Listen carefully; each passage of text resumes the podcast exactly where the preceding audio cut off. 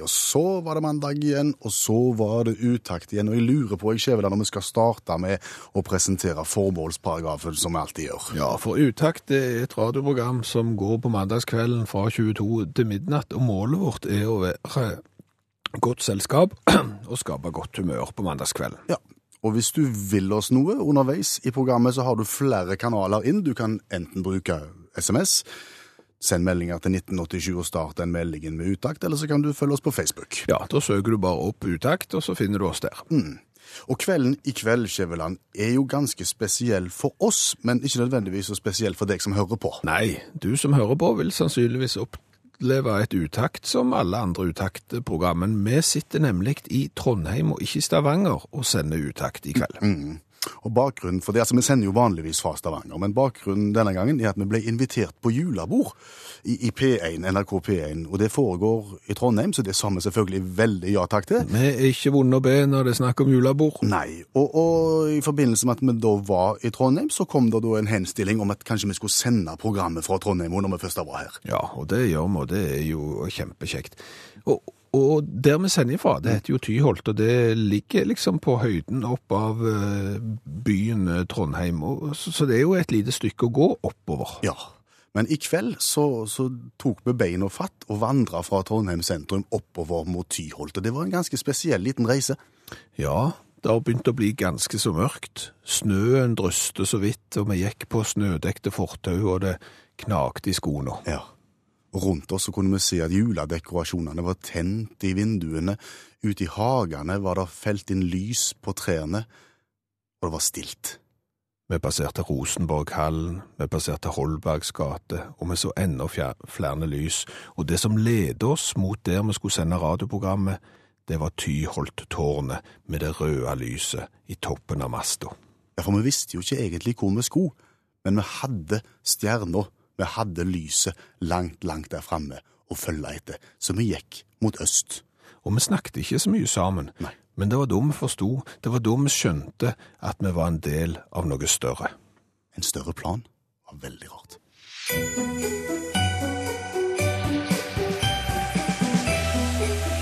Det skjedde i de dager at det gikk ut befaling fra NRK-ledelsen om at radioprogrammet Utakt skulle sendes fra Trondheim.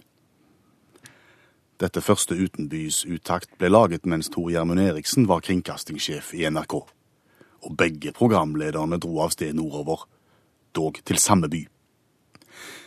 Kvinnesland dro fra byen Stavanger i Rogaland opp til Nidaros, til Olav den helliges by Trondheim, for å lage programmet sammen med sin medprogramleder Skjæveland, som ofte oppfører seg som et lite barn. Og mens de var der, så kom tiden da de skulle sende. Og de sendte program, det første sendte, svøpte det og la det i et studio. For det var god plass til dem i herberget på Tyholt. Det var noen taxisjåfører der i nærheten som var ute og holdt nattevakt over bilene sine. Og det ble litt mye nå. Det er rørende, men det, det blir bitte litt mye. Det, det ble litt svulstig, det, det ble Ja. Bare stoppa? Må jo ha, jeg har litt lyst til å ha med slutten, jeg.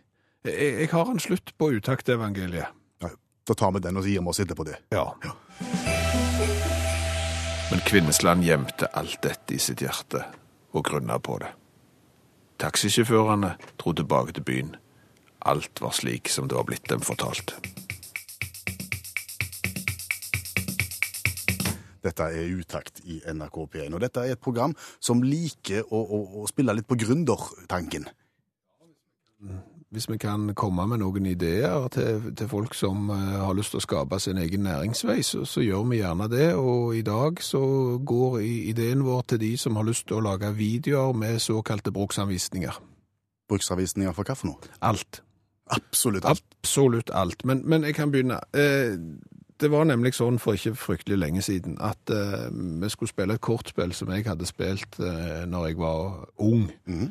Og jeg mente jeg husket det, men du kjenner jo meg, jeg husker jo utrolig seint, mm. så det hadde jeg jo selvfølgelig glemt. Dermed så var det om å gjøre å finne fram eh, bruksanvisningen, og den lå på nett. Og så var det bare å lese bruksanvisningen til dette kortspillet. Og da var det vel gjort, da? Da forsto jeg ingenting. Selv om jeg har spilt dette kortspillet før, så skjønte jeg ingenting. For en skriftlig beskrivelse av hvordan et spill skal være, det er helt komplett umulig å forstå. Så, så jeg bare sjekket liksom. For eksempel, noe av det enkleste kortspillet som finnes, tror jeg, er Idiot. Det er sånn som du spiller med barn. Ja, så, så det kan du spille med seksåringen din, liksom. Og, og når du da søker opp skriftlig bruksanvisning på et spillidiot, så forstår du ingenting. Sant? Når kortstokken med resterende kort er brukt opp, skal man legge kort som man har på bordet. Først legger man ut de kortene som er rettvendt, ett og ett kort, med mindre det er to som er like, for eksempel to niere. Så skal man ett og ett kort fra de kortene som er feilvendt. Er det løye du dette av? Skjønner ingenting. Nei.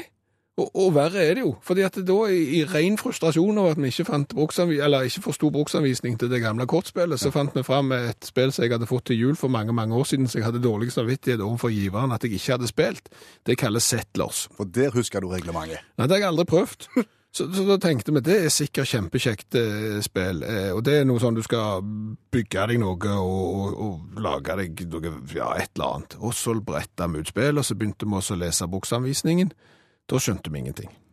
Altså, det, det er ingen verdens ting når antall øyne avgjør hvilke landfelt som gir utbytte, og hver spiller som har et hus eller by på et kryss som grenser opp til et landfelt med det gjeldende tall, tar et råstoffkort for dette feltet. Takk for i dag. Det er nesten så offside-regelen. Ja, den er jo helt øh, Ja. Prøv å forklare offside-regelen i skriftlig form. Du skal forklare alle de der Ja, det er greit at du ikke skal være siste spiller med mindre keeperen er inn forbi, og så skal du ta aktiv del av spillet med mindre du signaliserer. Sant? Det er jo helt Tilbake til gründerideen her. Ja, det vi da trenger. For måten å lære spill på, måten å lære egentlig nesten alt på, det er jo å observere noen som gjør det.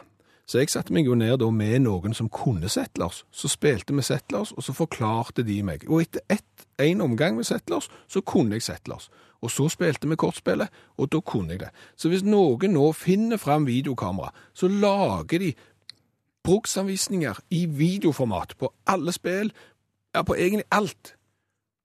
Altså bruksanvisning på hvordan å fylle ut selvangivelsen, hvordan å gå på ski, eh, hvordan å renne på akebrett baklengs, altså hva som helst. Det er uante muligheter her for videobruksanvisninger. Men som alltid, vi bare lanserer ideen her. Akter ikke gjør det. Nei, den eneste, det eneste spillet der du nok ikke trenger videobruksanvisning for det spillet er så intu, intuitivt enkelt, det er Gnav. Utakt hører du i NRK P1. Og det jeg lurer på, Skjæveland, det er om eh, annonsører av produkter velger ut med omhu for noen postkasser de skal poste reklame for eh, julepresanger i. Om, om det er selektivitet i valg av postkasse når du legger reklame? Mhm. Altså, de tenker at i det strøket, i det nabolaget, der putter vi reklame for den tingen. I det nabolaget, i det strøket, der putter vi reklame for noe helt annet. Nei, det tror jeg ikke på i det hele tatt. Og det tror jeg, skjønner du. For jeg har fått en reklame i min postkasse som jeg ikke har hørt om noen andre som har fått. Og da skal du vite det, at eh, der jeg bor i eh, Stavanger, eh, der bor alle de rike. Ja, Det er fint du står fram, for da kan jeg fortelle deg det, at der bor alle de rike pluss deg. Ja. Ja, det er sånn at Når de skal ha det gøy, så liner de opp innbyggerne i bydelen din, og så sier de 'finner én feil', Ja. og så peker de på deg. Men det er helt sant. Altså, Ja. det, det er den fine bydelen og pluss meg. Ja, Så- og Du så- mener da at noen annonsører legger annonser i postkassen til de rike, og unnlater å legge til andre? Ja, jeg tror det, for som sagt, jeg har ikke hørt om noen andre som har fått den løpeseddelen som jeg sitter med her. Her kan jeg da få kjøpe meg en julepresang til 200 000. 200 000, Ja, ja. jeg kan få 15 000 i rabatt i år hvis jeg er raske. Å ja, så 185, da Ja. er det jo rene varpet. Ja, så der jeg bor, så er det et varp. 185 000 til jul er jo ingenting. Nei. Det er jo gi bort-pris. Du har ikke sett den, du? Nei, hva- nei, jeg har ikke fått den. Nei. Men vi er mer sånn at nå kan vi kjøpe julemarsipan for ei krone og julegrøt for ei og ei halv. Mens jeg kan kjøpe eh, plate for å snu bilen på 1, 2, 3 til kroner 185 000, hvis jeg er raske. Plate, hva? Det de vil selge meg, er Ja. sånne runde plater som jeg på en måte feller ned i eh, garasjegulvet mitt, eller legger på garasjegulvet mitt, Mhm. som gjør at jeg kan kjøre inn i garasjen med bilen min. Og når jeg skal ut igjen, så kan jeg bare trykke på en knapp, og så går den plata rundt, og så snur han hele bilen av seg sjøl, og så kan jeg kjøre ut uten å rygge. Ja, det er jo for så vidt genialt, men har de, når de har lagt den oppi postkassen din, Mhm. og postkassen din henger jo på garasjen din, Har de sett garasjen din, da? Nei, det er det jeg lurer på, jeg òg. De har nok tenkt hva strøk jeg bor i, så de har nok tenkt konto her, første rekke. Altså, Da kunne jo jeg fortalt de som har lagt den i postkassen din, at når jeg parkerer min bil i garasjen din, så har jeg problemer med å komme meg ut, for det er så smalt. Og la oss nå si at bilen er rundt fem meter lang, da. Da, da må en jo nærmest ha en, en viss bredde på garasjen for at denne her svingplata skal virke. Ren matematikk da, tilsier vel at hvis bilen er fem meter brei, så må garasjen i hvert fall være fem, nei, er fem meter lang, så må i hvert fall garasjen være fem meter brei for at du skal klare å snu. Du har ca. 2,70. Ja, noe sånt. Så, så, så det ville sett tøft ut, men ikke virka. Nei. Men hvem er det som har det, da? Hvem som har fem meter brei garasje? Ja, Det er nok flere i nabolaget mitt, vil jeg tro, men jeg tror nok gjerne de har én til bil inni der, så da er det jo like langt. Ja. Og, jeg tenker at hvis de har fem meter brei garasje, Mm. eh, og kjører inn i den, og har problemer med å rygge ut igjen av en garasje som er fem meter brei, så burde du ikke hatt sertifikat. For da skulle det være mulig å klare Det Det burde være mulig å få det til. Ja, ja. Men, men det jeg skal vite, da, ifølge den samme, samme brosjyren som jeg har fått her, jeg kan også kjøpe en dobbeltplate. Med plass til to biler? Med plass til to biler, ja. Hvor brei er den? ja den er noe bredere. Ja. Ja. Men, men da skal det altså være mulig å sette to oppå og snu. Men da, er det vel andre utfordringer, er det ikke det? Da må du vel passe på at den som har den andre bilen, ikke er i motfase med deg når du skal ut og han skal inn. Ja, for la oss si at jeg kommer hjem fra Ja. jobb, uh, ruller inn på plata, og så tenker jeg la meg nå gjøre meg klar med en gang, da, så jeg snur den med en gang, med, med plata, sånn at jeg står rett fei. Mm, da snur du den som har kjørt inn. Ja. Nei, altså, så kommer fruen senere og vil gjøre det samme, og så har du det gående. Å ja, sånn ja, så blir du da, da, ja. Ja. Og dermed må du rygge ut. Ja. Og da er det plutselig kjempesmalt, for det er to biler i den garasjen. Ja, og så blir det bare glatt. Det er bare tull. Nei, men hva får du for 200 000? 185 hvis jeg er rask. Mariah Carey har lagt opp til flere julesanger. Dette var Christmas Baby Please Come Home. Og siste nytt fra Mariah Carey-leiren. Det er at du kommer til Norge og skal holde konsert den 31. mars, og hvis du da eh, synger den her Christmas Baby Please Come Home, så vil det virke direkte tåpelig. Så en henstilling til, til Carey-klanen. Ja, Unngå den. Unngå julesanger 31. mars i Norge.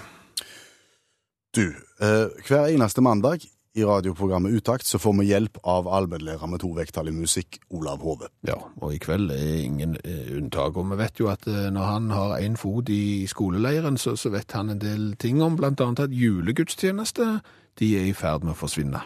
Ja, og det har jo vært diskutert i media i det siste, for og imot det, hvordan det skal gå med skolegudstjenestene.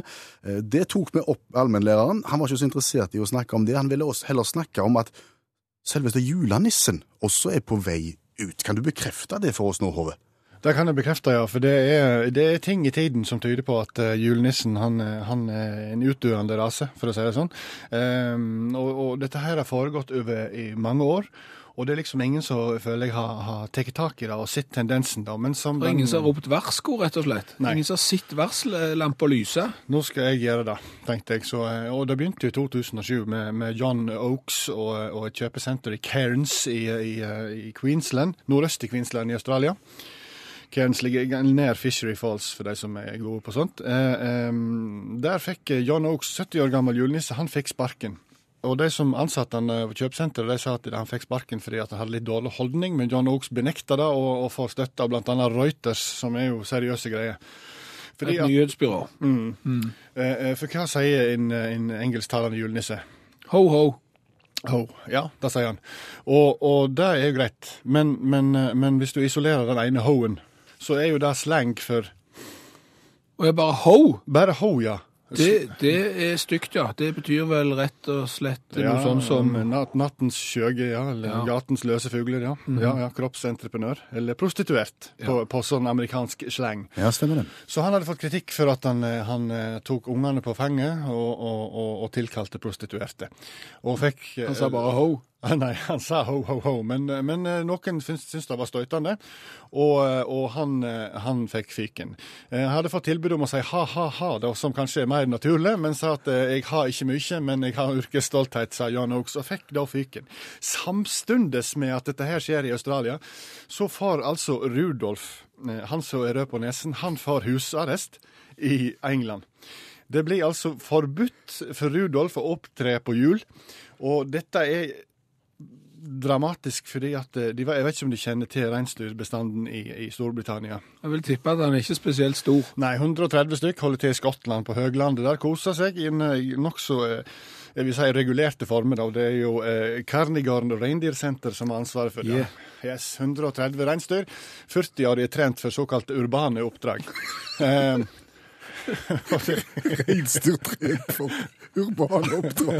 Og det er jo fascinerende, for det, det blir legget ut i juleforbindelse. Men så kom Miljødepartementet og sa at det er så stor fare for munn- og klovsyke nå at vi må si nei til Rudolf. Vi må rett og slett nappe av den røde nesen. Og Bliksen og Fiksen og Snaksen og Laksen, hva de andre heter, får heller ikke være med. Dette medførte da at eh, kjøpesenter som Harrods måtte da ha julenisse med hest på, eh, påklistra eh, tøygevir eh, i 2007. Noe som var pinlig både for Harrods, julenissen og for ikke snakke om hesten. Ja.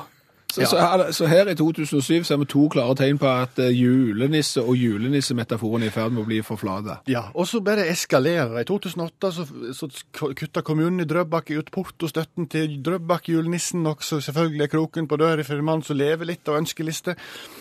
Og så har jeg dette her i Australia, ho-ho, det kommer opp hvert eneste år, og, og så kommer liksom i 2015, august i år, så ble julenissen sendt i skifteretten. julenissen ble i slett konkurs. Den finske stat krever 200 000 euro i ubetalt skatt. Eh, eh, og, og, og det er interessant, for da sier den finske stat at de har ikke noe tro på forretningsmodellen. Og det er jeg jo litt enig i. Bare gi og ikke ta. ja, så så, nå, så nå, nå, nå styrer de litt med det, ikke sant? For de klarer ikke å og, og i tillegg så har en kvinnelig prest i Maksjø i, i Finland sagt til ungene at nissen finnes ikke. Hun, altså, både stat og kirke har da fornekta julenissen sin eksistens. Hva land var du var i, sa du? Finland. Ja, da, da finnes han ikke, da. Han finnes ikke. og så går vi, og går vi til Brasil, så har altså julenissen i Sao Paulo han har da, han har da gått over til helikopter.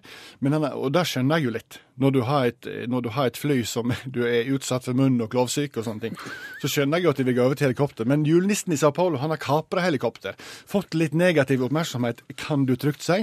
Det som er fascinerende, Dette gjorde han forrige uke. De har ennå ikke funnet mannen etter han kapra helikopteret. Eh, sier òg at han var tungt tatovert, den julenissen, så det er dårlig reklame. Og på toppen av det så har Aftenposten trykt julenissen sin dødsannonse, vel å merke på sine digitale sider, den 3. desember. Olaussen julenisse, født 12.9.1788, døde fra sin dag Nordkapp 3.12., ble trykt i Aftenposten.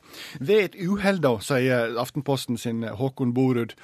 Men likevel, jeg føler det er en del indisier som tilsier at han er på vei ut. Våre tanker går først og fremst til de pårørende.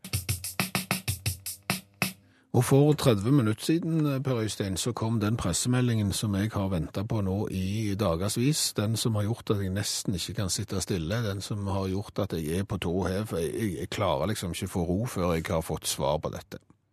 Og overskriften på den pressemeldingen lyder som følger Donald Trump er forbausende frisk. Den har du venta på. Så skal du være veldig forsiktig med ironi på radio. Ja, dette var ironi. Nå bare sier jeg det med en gang. Det var ironi. Eh, og og så, så er det ikke tvil om det. Men hva, hva forteller denne pressemeldingen? Altså, De sender da ut en pressemelding der de forteller at Donald Trumps helse er forbløffende god. Altså, Det er det eneste legen hans har å bemerke etter at han har vært på helsesjekk. Herr Trump har en kom, hatt en komplett medisinsk undersøkelse og viser kun positive resultater, forteller legen hans. Harold Bernstein. Ja, er det detaljer da om hva de har altså, målt? har- ja, blodtrykket for eksempel, 110 strek 65. Hva betyr det? Jeg har ikke peiling, hater de der blodtrykkgreiene. 110 over 65, skjønner ingenting av det. Og, og laboratorieresultater viser at det, han er fr- frisk som en fisk, og han har ikke vært operert siden han tok blindtarmen som, som tiåring, så det er gutten sin. Og så lurer vi på hvorfor de gjør det, og så tror jeg at jeg vet svaret på det. Hva det er? Det er at jeg har fått så mange spørsmål om den. Den mannen der kan ikke være frisk. Han er jo ikke riktig navla. Han kan ikke være friske. Derfor så sender de ut en melding om at jo da, Han er frisk. Donald er friske, Ja, som men en da har, fisk. de, da har de ikke forstått kritikken heller. Men, men, det som er sikkert, det er at håret hans er ikke friskt. Det, det, det har nok vært dødt eh, i iallfall 30 år. I mange hår. God adventstid. Nå skal vi konkurrere. Og hver eneste mandag så søker vi motiverte konkurransedeltakere, og de er ikke vanskelig å finne, Skjæveland. Nei, de er ikke det. Det er mye god motivasjon eh, her. For eksempel så er det en trønder her som mener at det må lønne seg å sitte oppe så sent som eh, nå. Sudoku-argumentet holder ikke lenger, og dermed er T-skjorta et godt motiv. Svært mange som driver og skriver julekort og trenger motivasjon til å fortsette med det, som har lyst til å delta i konkurransen vår. Eh, Endre Haugrud i Brumunddal han har, eh, trenger å få lov å konkurrere etter å ha lagd tre typer med, med julekaker. Eh, Skjønner vi veldig godt.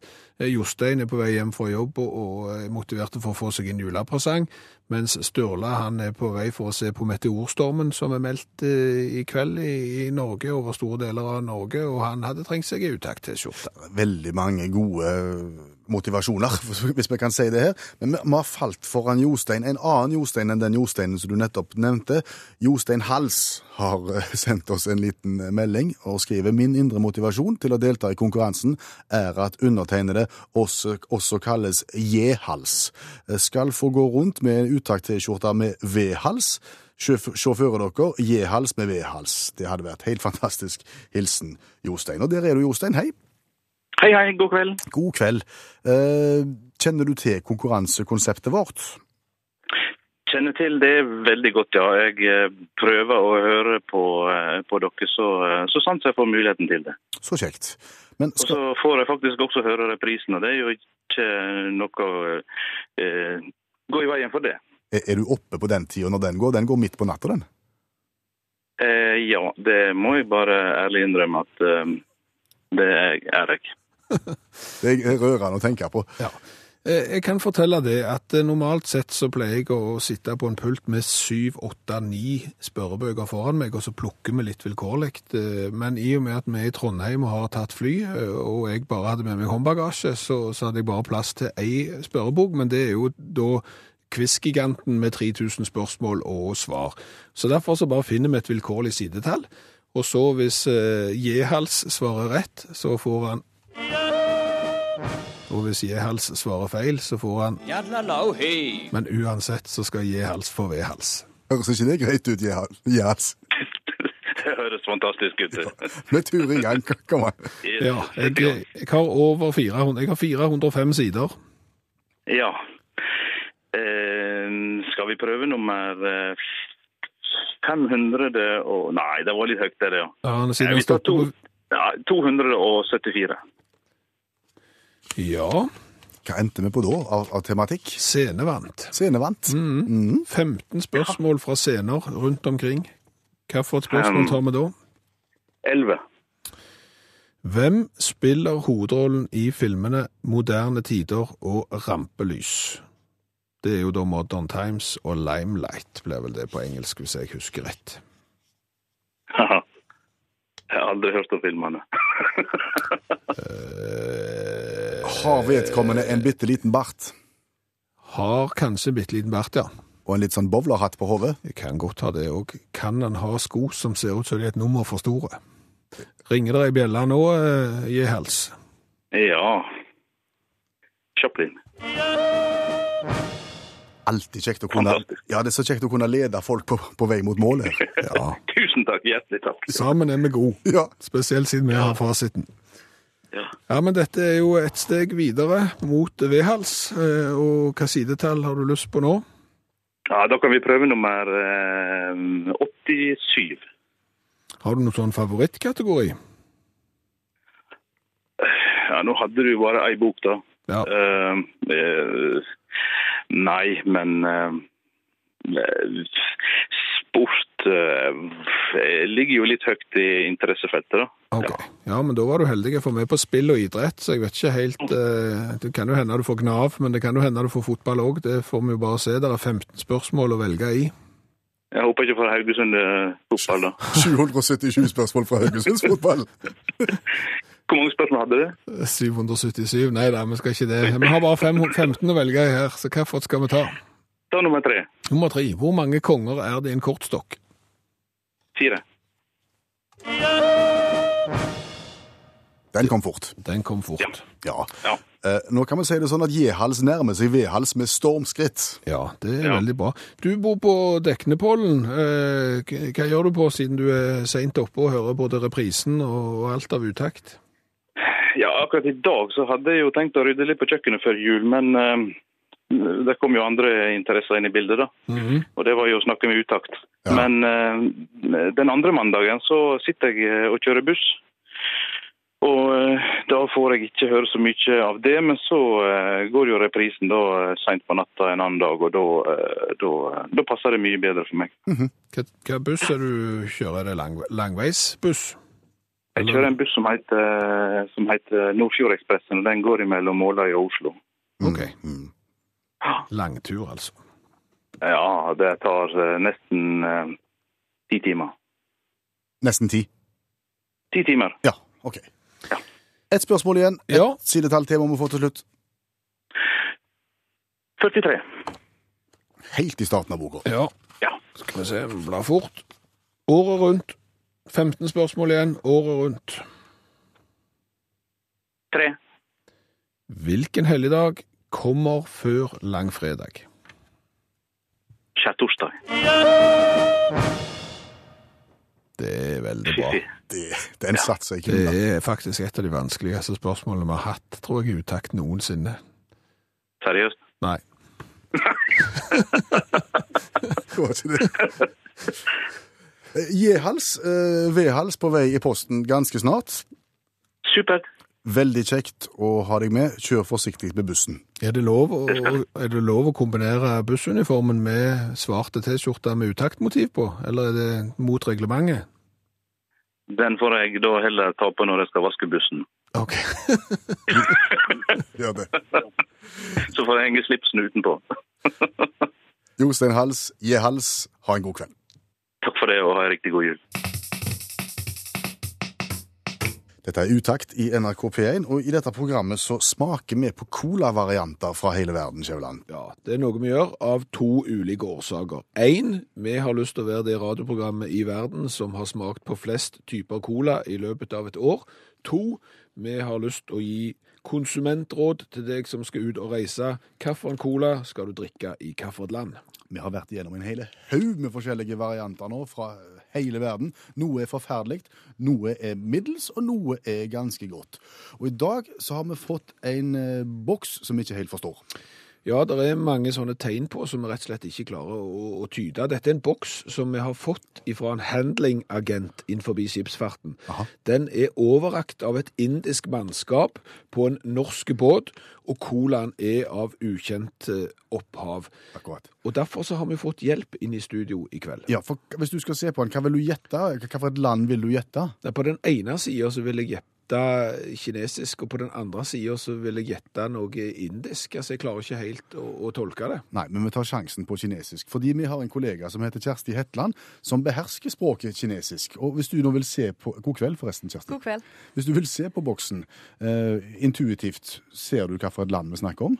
Det er nok Kina. Er det det, ja? Ja, så det, det er bare kinesiske tegn på denne, selv om eh, fonten på selve ordet på, navnet på brusen er, er litt mer fancy, så det kanskje blir litt lurt av det. Hva, hva, hva, er, hva brus er dette?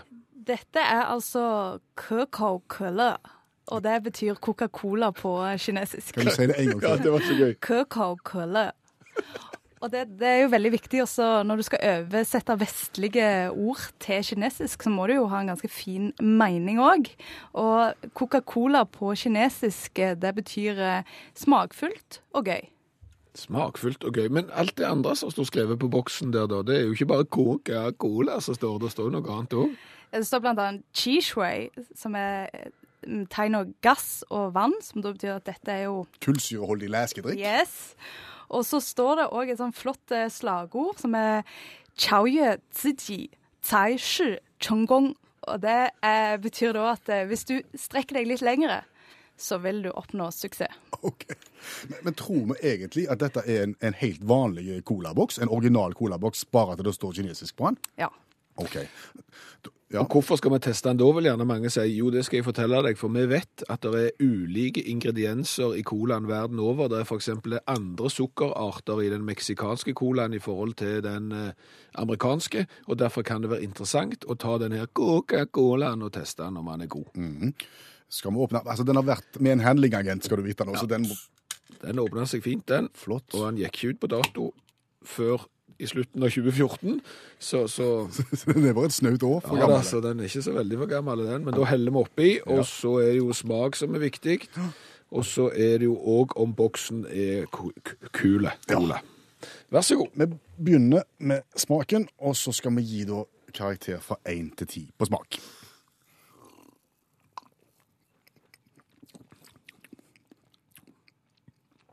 Det er ingen som merket at den var gått ut på dato for et år siden. Nei. Litt mer sirupsmak. Syns du det var sirupsmak? En norsk. Han er litt, u han er litt ulik, han er det. Kanskje det har noe med datoen å gjøre. Det kan det være. Ja, dette er jo definitivt helt der oppe blant de beste i utlandet. Det er det ikke tvil om, så jeg gir eh, syv. Jeg tror jeg går så langt som jeg går til åtte. Du går til åtte. Ja, smaken er helt. Kjersti, du kan få lov å stemme, men stemmen din kommer ikke til å telle. Ba. Hva sier du? Jeg, sa det åtte på kinesisk. Da poeng fra Kjersti. Da, da poeng fra Kjersti. Og så er det hvor kult er dette. Det er jo utrolig kult, syns jeg. Iallfall å drikke en sånn boks i Norge. Det er gjerne ikke så tøft å drikke det i et land der en milliard andre mennesker gjør det. Så derfor så havner jeg midt på treet og gir fem. Ja, jeg tenker, står du på et gatekjøkken i Norge med en Coca-Cola Hvordan var det du uttalte det? Coca-Cola. Sånn var det. Så, så er det steintøft. Jeg vil gi sju. Du vil gi sju. Ja.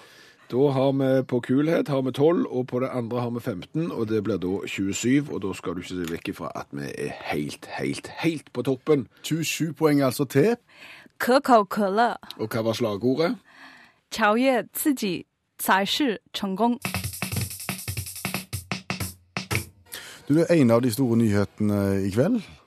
Det er at Stortinget har vedtatt flyseteavgiften på 80 kroner pluss moms. Det vil si at da skal du betale 88 kroner mer for å få lov å fly. Skaper det problemer? For noen, eh, for å sitere noen aviser her, så, så vil denne her eh, avgiften være dramatisk for Rygge flyplass. Eh, De sier at de vil kjøre en styrt avvikling fra 1. november 2016. Årsaken til det er at 90% av rutene på Rygge drives av Ryanair, eh, og de sier at de har ikke lyst til å fly der hvis de må betale 88 kroner ekstra per sete. Ja, er det Ryanair, eller er det vi som flyr som må betale 88 kroner ekstra? Det er vel Ryanair som må betale det først, og så må vi betale det etterpå. Det er vel de som betaler bensin, og så betaler vi de for at de betaler for bensin, og så betaler de landingsavgiften, og så betaler vi de for at de betaler landingsavgiften, og så videre. Så jeg tror jo at til slutt så er det vi som betaler det. Og så frykter en her at så lenge vi må betale mer for billettene våre, så vil vi ikke nødvendigvis komme, og så blir det slutt på passasjergrunnlaget, og så vil vi ikke mer. Ja, men, men der tror jeg kanskje altså ledelsen på Rygge flyplass og andre flyplasser og Ryanair og alle flyselskap bør kanskje nå høre bitte litt grann etter nå, når, når vi er i utakt igjen tar fram gründerånden vår. For, for, for dette her, altså vi er jo ikke Altså, jeg, jeg syns jo at verdens fineste ord er gratis. Så jeg skal jo ikke si at liksom 88 kroner ekstra det liksom er, er greit. Det er jo, det er jo billigere, jo bedre. Vi er jo ikke verre fantene. Men la oss nå se på det. En omfordeling av midler kunne jo løst dette, etter vår forstand. Ja. Mm. Fordi at det, hvis du er ute og flyr, Ja. og, og gjerne vekk i to dager, hvor, hvor mye må du betale i parkering da? For å ha bilen stående på flyplassen mens du er ute og flyr. Ja, i to dager. 4000 kroner cirka. Cirka 4000. Ja. Eh, og, og så går du gjerne inn i avgangshallen og, og venter på at flyet ditt skal gå. Da tenker du du skulle gjerne ha en hamburger. Hvor mye koster den? Den koster 400 kroner hvis du ikke skal ha ost. Ja, det er 500 med ost, er det ikke det? Jo. Og så tar du gjerne en cola til. Den koster 600, Ja. og, og 1000 hvis du skal ha pils. Ja. Ja. Altså Nå setter vi det egentlig litt på spissen, Skjæveland, for det koster ikke så mye. Nei. Men Vi vil vel si at mye er hensynsløst dyrt i og rundt en flyplass. Ja, det er som om flyplassen er en egen liten nasjon som ikke har kontakt med Altså, det er på en måte En flyplass er som Nord-Korea. De har ikke kontakt med resten av verden, så de har liksom ikke sett hva en cola koster ute der. En kopp kaffe. Ja, og 70 kroner, det må vi ha. Så, så, såpass. Og da vi nå snakker om omfordeling av eh, midlene her, så, så kan du si at vi som passasjerer ville betalt det samme, men eksempel de som eh, driver flyplassen, Avinor og de på Rygge og, og og sånn kunne på en måte delt pengene litt seg imellom, så hadde de den der 88 kronene ikke vært noe problem. For eksempel, hvis jeg kjøper en burger til 500 kroner, Ja. så går 40 av de til flyseteavgiften. Og så tar jeg den pilsen ved siden av til 1000, så da går det 48. Og da, har på en måte, da er den flyseteavgiften dekt. Jeg har tilsynelatende ikke betalt mer enn jeg har gjort nå. Det er bare de som betaler 1000 kroner for en hamburger som sitter igjen med bitte litt mindre. Sett dere ned og snakk sammen, og omfordel litt. Ja. Vel- er rådet fra oss i aften. det, dette her er genialt. Altså, vi skulle vært politikere, jeg sier ikke mer. Du, Ja. når vi først er innom uh, luftfarten, kan vi ikke, nå har vi tatt dagens luftfartsnyhet. Ja. Skal vi ta forrige ukes luftfartsnyhet? Jeg er ikke sikker, men du kan jo prøve. Den er så god. For vi skal til Kuala Lumpur, flyplassen der. Eh, og jeg må bare stille et retorisk spørsmål i inngangen her. Hvis du har parkert feil, Ja. for eksempel med bilen din, Ja. hvor lenge må du stå etter, eh, altså, før, før du får bot? Ikke spesielt lenge. Nei, da kommer hvor- det en parkeringsvakt etter en times tid, maks, tenker jeg, Ja. med lapp på ruta. Og, og hvor lenge må du stå før de tauer bilen vekk? Ja, ikke så mye lenger enn kanskje to-tre timer. Ja. Mm. Greit å ha det i bakhodet, fordi at på flyplassen i Kuala Lumpur, så har det nå i over ett år, Stått en bil. en bil, nei, det har stått to Biler. Boeing 747 fly. Feilparkert. De som vi kaller for jumbojet. Og flyplassen vet ikke hvem som eier de. Der har det kommet noen flaksende inn med noen beist av noen fly, og så har de parkert på langtidsparkeringa der. Og så blir de bare stått, stående. Og ikke har de betalt eh, parkeringsavgift, ikke har de tok og løst billett og lagt den i vinduet på flyet og ingenting. Og nå begynner flyplassen å synes at det her får, får være nok, så nå begynner de å lete etter eieren. De har satt inn avisannonser for, for å jakte på hvem er det som eier disse flyene. Ja, de hadde ikke gått ut på Kåling-anlegget. Kan alle de som har feilparkert en 747 vennligst ta kontakt? Kan, alle Hvis ikke så blir han taua vekk. kan du tenke deg? Altså en verden der det er enklere å feilparkere en 747 enn å feilparkere en bil. Det er godt gjort, altså. Det skal noe til å få klatre opp og få lagt den boten i vinduet, tenker jeg. Ja, det, det, det er kanskje der det problemet ligger. De er så kolossalt store. Så har jeg fått et lite limerick som passer veldig godt å, å lese nå, for vi skal snakke litt om eh, nissen. Eh, det lyder som følger, det er fra Vera.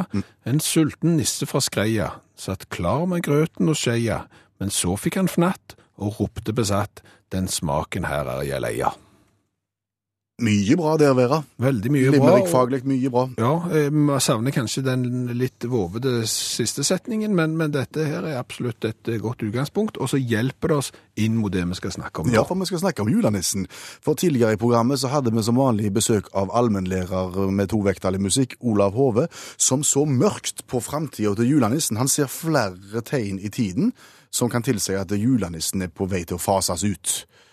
Men så kommer han tilbake og snur helt rundt og sier at det er håp allikevel. Ja, ja, ja. Fatt mot, som det heter. Der finnes det ett håp, vil jeg si. Hvis vi skal gå globalt på julenissen. Og da må vi til en anglikansk munk som heter Thomas Patrick O'Connor. Eh, irsk opprinnelse, selvfølgelig. Eh, har vært litt rød i hår og sånne ting, hvis de ser for dere klassene. Ja. Jeg Var politimann i New York i sine unge dager, og, og gikk da over til å bli anglikansk munk. Eh, Flytta til Nevada. Jobba for barns rettigheter, eh, var, var sånn eh, lobbyist. Jobba for barns rettigheter og for fri marihuana. Eh, da kan jeg fortelle dere, hvis de skal begynne med lobbyvirksomhet en gang, eh, så er det å jobbe for barns rettigheter og, og fri marihuana, det kan bli oppfatta som litt useriøst. Og da sleit eh, O'Connor Det er vel med. bare deler av det, det er bare deler av det du lobbyer for som eh, virker useriøst. Eller kombinasjonen. Ja, han var litt kjent for å komme med begge deler ganske tett, tett liksom. Og, og dermed så, så har han lite gjennomslagskraft. så er det sånn med anglikanske munker, jeg vet ikke hvor bevandra de er i den liturgiske delen av verden, men, men det er litt sånn korser og inn og ha, ha skjegg. Så, så O'Connor han lot skjegget vokse, han fikk langt skjegg. Det er også, eh, Denne orden han er med, der er de veldig sånn rødkledde. Så, så O'Connor fikk lengre og lengre skjegg, og, og det ble jo kvitt med tiden. Det vet jo eh, vi alle. Eh, Og, og han hadde altså mye røde klær og langt hvitt skjegg. Patrick, Thomas Patrick O'Connor. Nå føler jeg jeg vet hvor dette ble. Så her en dag eh, for eh, noen år tilbake, så gikk han langs en vei, og, og de kjørte forbi han en bil. Og ut av bilen, eh, der inni bilen satt en mann som, eh, som sveiva ned vinduet og ropte 'Jeg elsker deg, julenissen'. Eh, Han gjemte dette i hjertet sitt og grunda på det, men ikke spesielt lenge. For dagen etterpå så troppa han opp i folkeregisteret og sa du, jeg vil skifte navn, jeg vil hete Santa Claus. Eh, Folkeregisteret i Nevada er jo ikke vanskelige på slikt, så de eh, sa at ja, det skal vi unna. To uker etterpå så hadde han pass og førerkort og bankkort, og alt var i Santa Claus. Rødkledde mann med langt hvitt skjegg som heter Santa Claus. Og dermed så ble barns rettighetsjobbing og fri marihuana det ble en lek. Han, han fikk innpass bort imot overalt. Han slo igjennom som bare det. Og så er det sånn med Santa Claus at han han blir reven med, da. Så han følte når han fikk medgang, så tenkte han nei, vet ikke, nå vil jeg òg bli president. Så i 2012 så stilte han opp som president, eh, presidentvalg i USA. Fikk 625 stemmer kun i Maryland, og en liten, eh, en liten sånn eh, meningsmåling etterpå viste at, at ca. 70% visste ikke at det eksisterte en person som heter Santa Claus. De trodde at det var julenissen de stemte på. Eh, Så han fikk ikke noen posisjon, da. Det Eh, er nesten litt dumt, for å se for deg en rødkledd mann med hvitt skjegg gå inn i Air Force One, det store flyet til, til presidenten i USA. Ja, det hadde, jo- det hadde jo vært kjekt, da. Men han fortsatte med sitt. Og så her i oktober nå, eh, for to måneder siden, eh, så var det lokalvalg i Asker. Jeg vet ikke om de fulgte dem. Eh, Det er jo litt det er jo store avstander. Ja, tidsforskjellen gjorde at jeg ikke klarte å følge med. Så det, viste det seg at det var to ledige seter i bystyret i, i regionen North Pole, eh, som vi vet, oversatt til Nordpolen.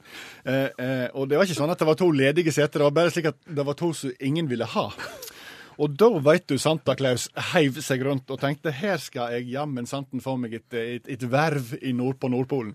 Så han satte i gang med en omfattende valgkamp, selvfølgelig. Stilte opp i det lange skjegget sitt og de hvite klærne og sa ho, ho, ho, uten at noen ble støtt av det.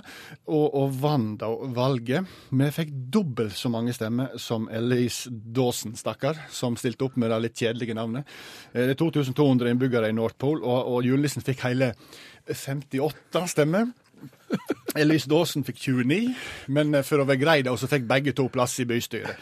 Så nå sitter da eh, Santa Claus i bystyret i, på Nordpolen, eller North Pole, eh, eh, og problemet nå vet du, er at nå har han fått ny selvtillit igjen. Nå er han oppesen og sier at nå skal jeg stille til president en gang til. Og da tenker jeg, Han kan jo ikke bli president. Det er litt som å tro på julenissen. Og vi fortalte det i starten av programmet. Utakt i dag blir sendt fra Trondheim. Vanligvis så sitter vi i Stavanger og sender, men i kveld så sitter vi i Trondheim fordi vi ble invitert til julebord i NRK. og Der gjorde vi på lørdag, og det var kjekt. Det var veldig kjekt, og, det må jo sies at det gikk veldig eh, fint for seg. Etter det jeg fikk med meg i hvert fall, så, så var det ingen skandaler. Jeg sto ikke for noen av dem, jeg var omtrent i seng før Kveldsnytt òg, jeg, så, så alt gikk egentlig greit. Men det ble jo sagt at julebordet er da ofte arenaen for skandaler. Det skjer ting som ikke bør skje. Ja, det er klart at hvis du er rimelig påseilt og insisterer på å ta opp lønnspolitikk med sjefen, så er det ikke sikkert det blir spesielt vellykka. Det blir heller ikke vellykka hvis du insisterer på å ta mikrofonen fra vokalisten i bandet som spiller for dere, og du skal synge Brown Ad Girl, ikke bare én gang, men ti. Det blir jo også sagt som et veldig veldig nyttig råd i forbindelse med julebord at du aldri skal dyppe pennen i firmaets blekk. Ja, og i anledning dette med julebord og ting du ikke skal gjøre, og feller du kan gå i, så har vi fått tilsendt en sang fra noen som hører på uh, utakt, og synes at de hadde en, en sang som, som kunne passe til dette temaet. Ja, og lurte på om vi kunne spille den, og det kan vi jo. Klart det. Hva heter han? Julastrid, har du sekretæren med deg hjem? Ofte.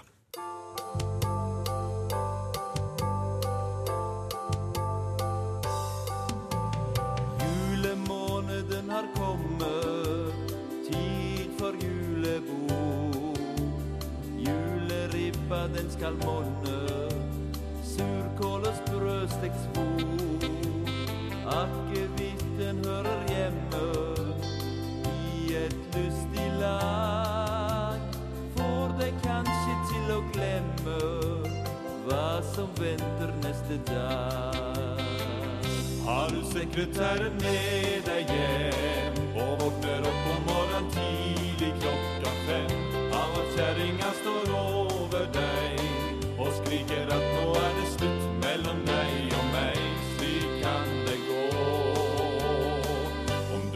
sekretæren hjem.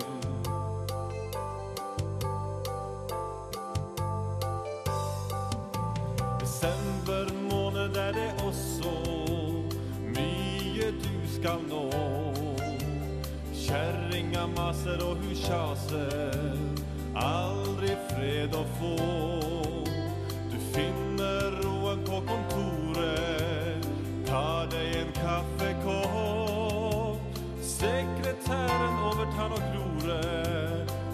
Ikke lett å rope stopp.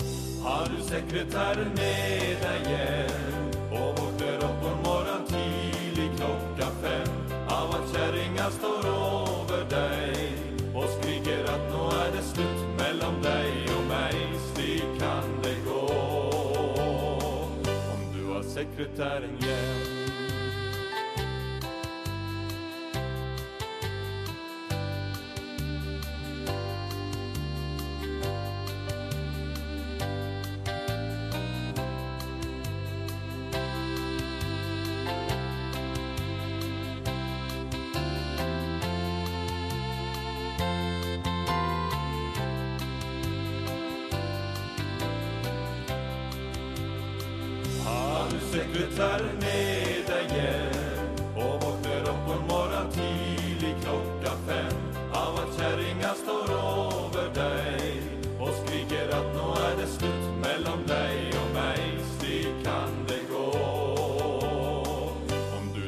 Sekretæren hjem.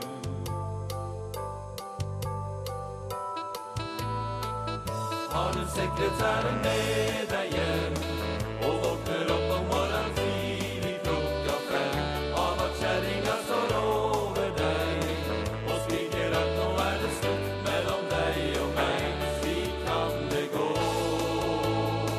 Om du tar sekretæren hjem. Og gripende. Ja, det er et av de sterkeste musikalske uttrykkene vi har, er jo når du spiller saksofon på keyboardet ditt. Dette er siste uttaktprogram før jul. Ja, det er det, men frykt ikke, du trenger ikke vente fryktelig lenge etter julaften før du får et nytt uttaktprogram. Nei, første juledag faktisk. Ja, klokka 21.00. Til 23 så får du uttakt eh, første juledag spesial. Ja, så det må du eh, høre på hvis du har sjans og er lei av ribbe og pinnekjøtt og trenger å sitte i ro litt til fordi du er så sprikkmett, så tar du og skrur på radiokabinettet, og så hører du på uttakt. Hør flere podkaster på nrk.no podkast. NRK P3